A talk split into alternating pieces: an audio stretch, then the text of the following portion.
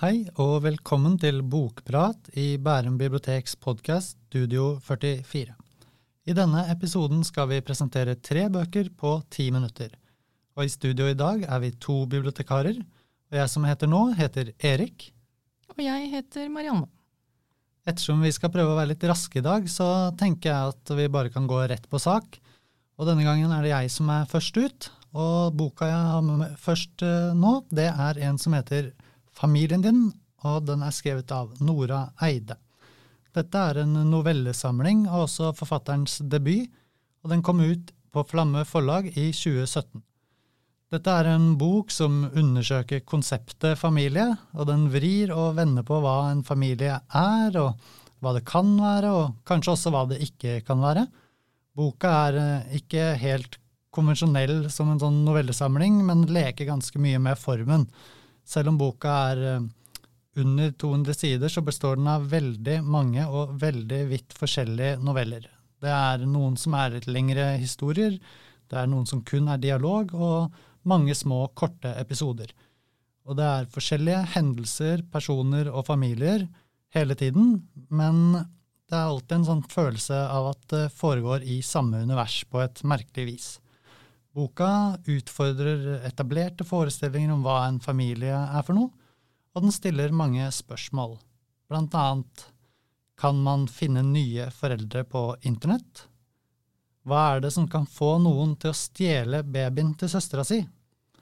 Og hvis du har behov for kjærlighet og støtte, er det da ok å late som man er barnet til noen som er dement? Og kan de to da sies å utgjøre en slags familie? Ja, det er absolutt en berg-og-dal-bane, en bok som stiller veldig mange spørsmål og kanskje ikke alltid gir så mange svar. Men det er tankevekkende, overskuddsprega og jeg vil si ganske morsom, da. Og en bok jeg personlig er veldig fan av. Jeg tror jeg snart har anbefalt den til alle jeg kjenner, og nå vil jeg anbefale den til deg som hører på denne podkasten. Sjekk ut Familien din av Nora Eide. En av de beste bøkene jeg har lest i år, er en oversatt bok av Damon Galgut. Boka heter Løfte på norsk, og på engelsk heter den The Promise. Og den er fantastisk oversatt av Johanne Front Nygren. Galgut er en sørafrikansk eh, forfatter, og han er et helt nytt bekjentskap for meg, men han skal jeg absolutt lese mer av, har jeg tenkt. Han har skrevet flere kritikerroste og prisbelønte romaner og noveller.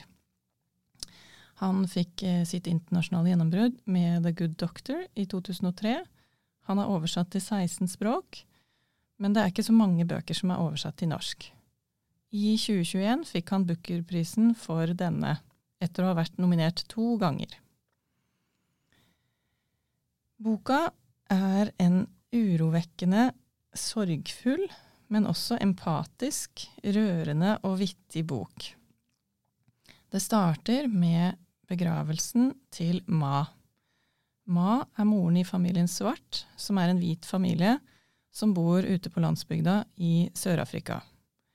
Året er 1986, og Amor, på 13 år, er den yngste datteren i familien. Hun har vært på internatskole i syv måneder, men blir hentet av sin tante og sin onkel for å være med på begravelsen til Ma. Amor har også to søsken, Anton, som er i militæret, og Astrid. Og eh, de har en far som da kalles Pa, og de bor på en stor gård og far, han, eller pa, han driver også en reptilpark. I tillegg så har de en svart kvinne som hushjelp. Eh, hun heter Salome, og hun er jo nærmest en, eh, en ekstra mor. Tittelen 'Løftet' bygger på at eh, på dødsleiet så lover eh, pa, eh, Ma, at Salome skal få sitt eget hus til odel og eie.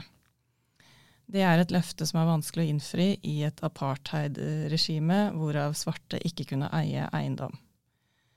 Um, videre i boka så er det ulike gravferder, så det er litt dystert, dette her. Um, og det er også store temaer i forhold til religionsmotsetninger, rase og klasse. Men det er en helt fantastisk skrevet bok. Og noe av det jeg syns var flottest, det er denne synsvinkelen som bare uh, veksler fra person til person. Uh, det er litt komplekst, men det gjør også at man får en følelse av at man er med i en film.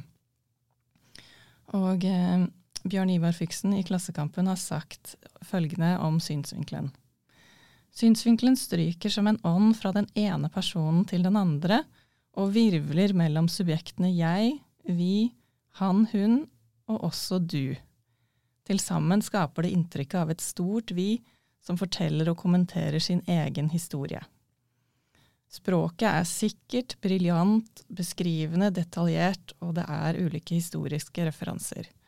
Og jeg fant ut at jeg måtte lære meg enda mer om Sør-Afrika under apartheidregimet etter å ha lest denne boka.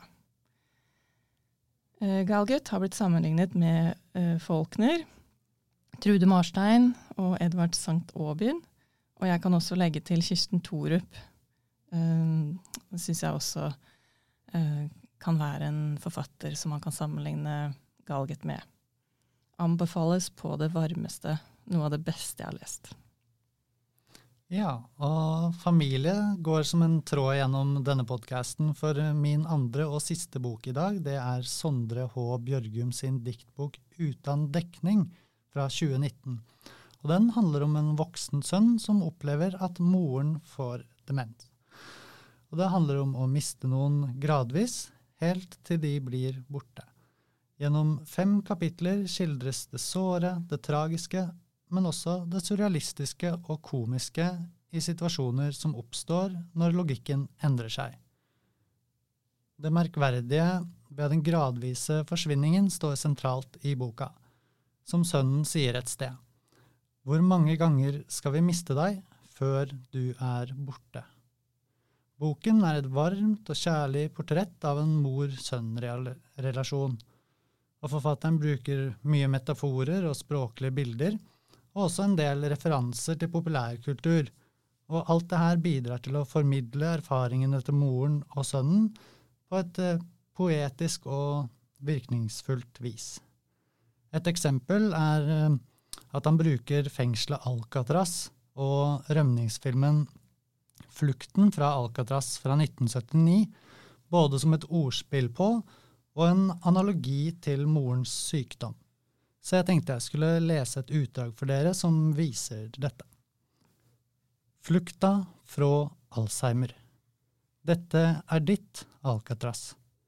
Du sit i di celle. Drøymer ikke om kanoner som skal skyte deg fri, eller helikopter til å heise deg ut. Men ei lita teskei til å grave med.